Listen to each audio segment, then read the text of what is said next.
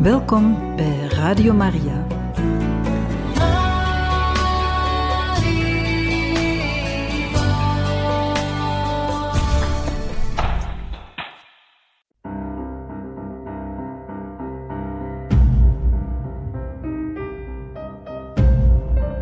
Het woord spreekt. Een programma van Radio Maria.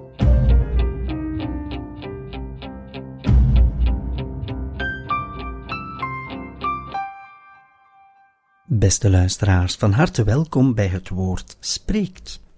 We zijn aangekomen in de Handelingen van de Apostelen, hoofdstuk 9, vers 1. Saulus ging nog altijd fel tekeer en bedreigde de leerlingen van de Heer met de dood. Hij wendde zich tot de hoge priester en vroeg hem brieven voor de synagogen in Damaskus, zodat hij aanhangers van de weg die hij daar zou vinden, mannen zowel als vrouwen, gevangen kon nemen en naar Jeruzalem overbrengen. Hij was op weg en naderde Damaskus al, toen hem plotseling een hemels licht omstraalde. Hij viel op de grond en hoorde een stem tegen hem zeggen: Saul, Saul, waarom vervolg je mij? Hij zei: Wie bent u dan, Heer? Deze antwoordde: Ik ben Jezus die jij vervolgt.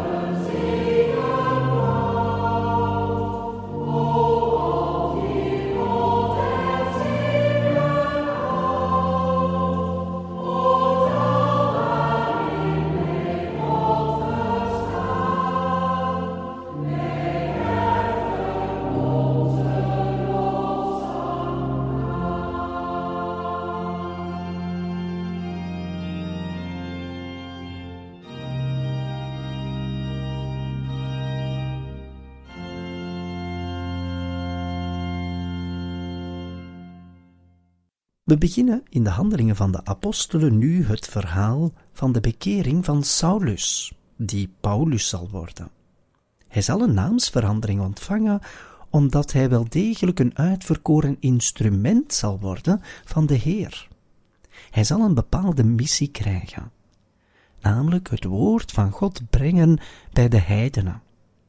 De apostelen die reeds gekozen waren, gaan voornamelijk naar de Joodse gemeenschap, naar de gemeenschap die ze zelf volledig kenden. Paulus, die zelf een fariseer was en ook behoorde tot het volk van Israël, zal doordat hij heel gecultiveerd is, ook connecties hebben buiten het volk van God. En zo zal hij gemakkelijker toegang vinden bij de heidenen. Maar daar zijn we nog niet aangekomen. Saulus, zal zelf nog moeten bekeren. En de eerste keer dat we Saulus tegenkwamen in de handelingen van de apostelen, dat was bij Stefanus, toen Stefanus gestenigd werd. Ze stenigden Stefanus, stond er, terwijl hij bad, Heer Jezus, ontvang mijn geest. En, Heer, reken hun deze zonde niet aan. Saulus was het eens met de moord op Stefanus. Zo staat er geschreven in de Handelingen van de Apostelen, in hoofdstuk 7 en hoofdstuk 8. Saulus is dus een van die personen waarvoor Stefanus heeft gebeden. Stefanus, de eerste martelaar, wanneer hij zegt: Heer, reken hun deze zonde niet aan, zal dus ook naar Saulus kijken. Want ook Saulus was aanwezig bij de steniging en, zo hebben we gelezen, hij was ermee akkoord. Saulus heeft bekering nodig. Hij heeft op dit moment nog een nee geantwoord op de waarheid die men kan vinden in Jezus Christus. Hij zal later een grote verdediger worden van die waarheid en daarvoor zelfs zijn eigen leven geven, ook als martelaar. Maar hij heeft nood aan een ware bekering, hij heeft nood aan Gods licht. Een bekering kan men niet uit zichzelf verkrijgen. Het is altijd een genade. Een bekering is dus een genade waarvoor wij kunnen bidden. Opdat iemand het licht van God zou mogen ontvangen. En natuurlijk, wanneer het gebed van een martelaar komt, op het moment dat hij zijn leven geeft, waarover Jezus heeft gezegd: geen groter liefde bestaat er dan hij die zijn leven geeft voor zijn vrienden. Saulus en Stefanus waren eigenlijk vijanden. Maar zo zag Stefanus het niet. Stefanus zag een vriend in Saulus. Voor ons is dat heel belangrijk, die nuance. Want wij bidden vaak voor bekeringen van mensen die wij misschien toch niet zo graag zien, die wij misschien te veel zien als vijanden. En omdat ze niet denken zoals wij, omdat ze niet het geloof hebben zoals wij, bidden wij wel voor bekering, maar soms doen we dat niet omdat wij ze zien als vrienden, maar wij bidden voor hen, omdat we ze ergens wel zien als vijanden, maar we graag zouden hebben dat ze denken zoals wij. Bidden voor een bekering kan alleen maar gebeuren als we echt uit liefde bidden voor die persoon. En niet proberen die persoon te overtuigen van ons gelijk, maar enkel en alleen maar willen dat die persoon God ontdekt. En dan zal die persoon, wanneer die God heeft ontdekt, zal die natuurlijk een unieke manier van leven hebben, die niet de onze is. Maar dat mag ons eigenlijk niet uitmaken. Het belangrijkste is dat de persoon God ontdekt. En dus bidden voor bekering is iets belangrijks, maar misschien niet zo eenvoudig. Stefanus heeft gebeden voor zijn vervolgers, want hij zag hen niet als vijanden, maar als vrienden. Geen groter liefde bestaat er dan degene die zijn leven geeft voor zijn vrienden. En natuurlijk, Jezus Christus is de eerste die dat doet. Ik noem u geen dienaars meer, maar vrienden. Degenen die voor Jezus kiezen zijn zijn vrienden geworden, maar omdat Jezus ons als eerste als zijn vriend heeft gezien. En wij zullen Jezus als vriend moeten opnemen. Saulus zal hetzelfde moeten doen. En daar zijn we vandaag in de handelingen van de apostelen over beginnen lezen. Over Saulus wordt er gezegd dat hij fel tekeer ging. Hij was dus niet zomaar een vervolger, maar was een grote vervolger. Hij wilde de eerste kerk kapot krijgen. Hij wilde het geloof in de weg, zo staat er, weghalen zodat hij aanhangers van de weg, die hij daar zou vinden, kon gevangen nemen. Aanhangers van de weg. Zo werden de eerste christenen dus ook genoemd. Ook daar zien we weer een hele mooie benoeming. Iemand die Jezus volgt, is iemand die op de weg gaat. Een weg die rechtdoor gaat. Naar waar? Naar het eeuwig leven. Naar God zelf toe. Jezus heeft het natuurlijk gezegd: Ik ben de weg, de waarheid en het leven.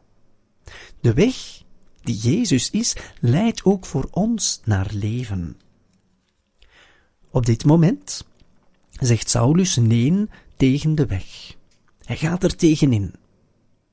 Maar hij zelf is ook op een weg, namelijk de weg naar Damaskus. En zo staat er wel degelijk. Hij was op weg en naderde Damaskus al. Toen hij plotseling een hemels licht zag, en het hemelse licht zal hem omstralen. Saulus is onderweg, maar niet in de juiste richting. Het is pas wanneer men Jezus ontdekt, en dan mag men gaan waar men wil, dan is men altijd op de goede weg. Maar om die stap te zetten, heeft men licht nodig, en dat licht, dat creëert men nooit voor zichzelf, maar dat wordt ons gegeven als genade. En die genade, wel, die komt misschien door de voorspraak van de een of de ander. En we zouden bij Paulus kunnen denken dat die voorspraak er is gekomen door de marteldood van Stefanus. Reken hen deze zonde niet aan, Heer. Geef hen bekering, geef hen uw licht. En Paulus ontvangt een licht. Wat gebeurt er? Hij valt op de grond.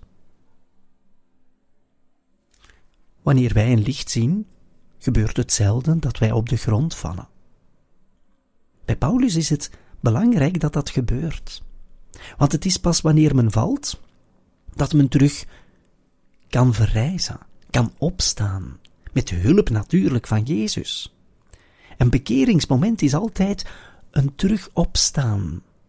Het is dus noodzakelijk dat men eerst beseft dat men laag is gevallen, voordat men een ware bekering beleeft. Het is dus niet voor niets dat Paulus op de grond valt. Hij valt op de grond. Hij weet en beseft dat hij klein is, dat hij arm is en dat hij nood heeft om terug op te kunnen staan, maar dat zal hij niet uit zichzelf kunnen. Enkel de stem van Jezus die zal klinken, zal hem terug doen opstaan. Saul, Saul, waarom vervolg je mij? Op de weg naar Damaskus hoort Paulus de stem van Jezus. Saul, Saul, waarom vervolg je mij? Er is iets heel opvallends. Zijn naam is Saul en daarna zal hij Paulus heten. Maar nu is het Saul. Jezus neemt ons zoals we zijn. Saul is op de grond gevallen, hij is klein, hij is laag. En het is pas dan dat Jezus ons aanspreekt. Hij neemt ons zoals we zijn, met onze zonde, met onze kleinheid, maar het is van daaruit dat Hij ons naar boven trekt, dat Hij ons doet deel hebben aan Zijn verrijzenis, aan Zijn leven. En tweemaal ontvangt Hij de naam Saul, Saul. We moeten misschien ook denken aan Mozes, aan Abraham en aan verschillende anderen in het Oude Testament. Wanneer God hen toespreekt, zal dat ook tweevoudig zijn. Mozes, Mozes. Of Abraham, Abraham. Tot tweemaal toe, God neemt ons volledig zoals we zijn. Niet één keer, maar eigenlijk twee keer. In onze kleinheid, in onze eigen persoon. God aanvaardt onze uniciteit, onze enigheid. God aanvaardt wie wij zijn. Maar dat wil niet zeggen dat hij grotere plannen met ons heeft. En daarom zal de naam van Saul later veranderen in Paulus, want hij krijgt een nieuwe missie. Hij krijgt eigenlijk een nieuw leven. Van Jezus zelf, die de weg is, de waarheid en het leven. Saul zal antwoorden: Wie bent u dan, Heer? Hij had misschien wel al een vermoeden, want Jezus zegt, waarom vervolg je mij? Saul weet wie hij aan het vervolgen is. Maar hij ziet daar nog niet het negatieve van in. En dus beseft hij waarschijnlijk nog niet ten gronde dat hij Jezus aan het vervolgen is.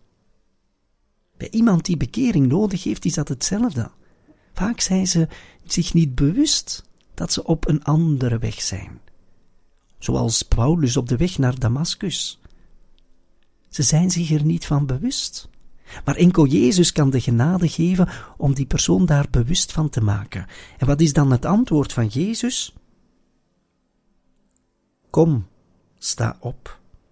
Ik ben Jezus die jij vervolgt.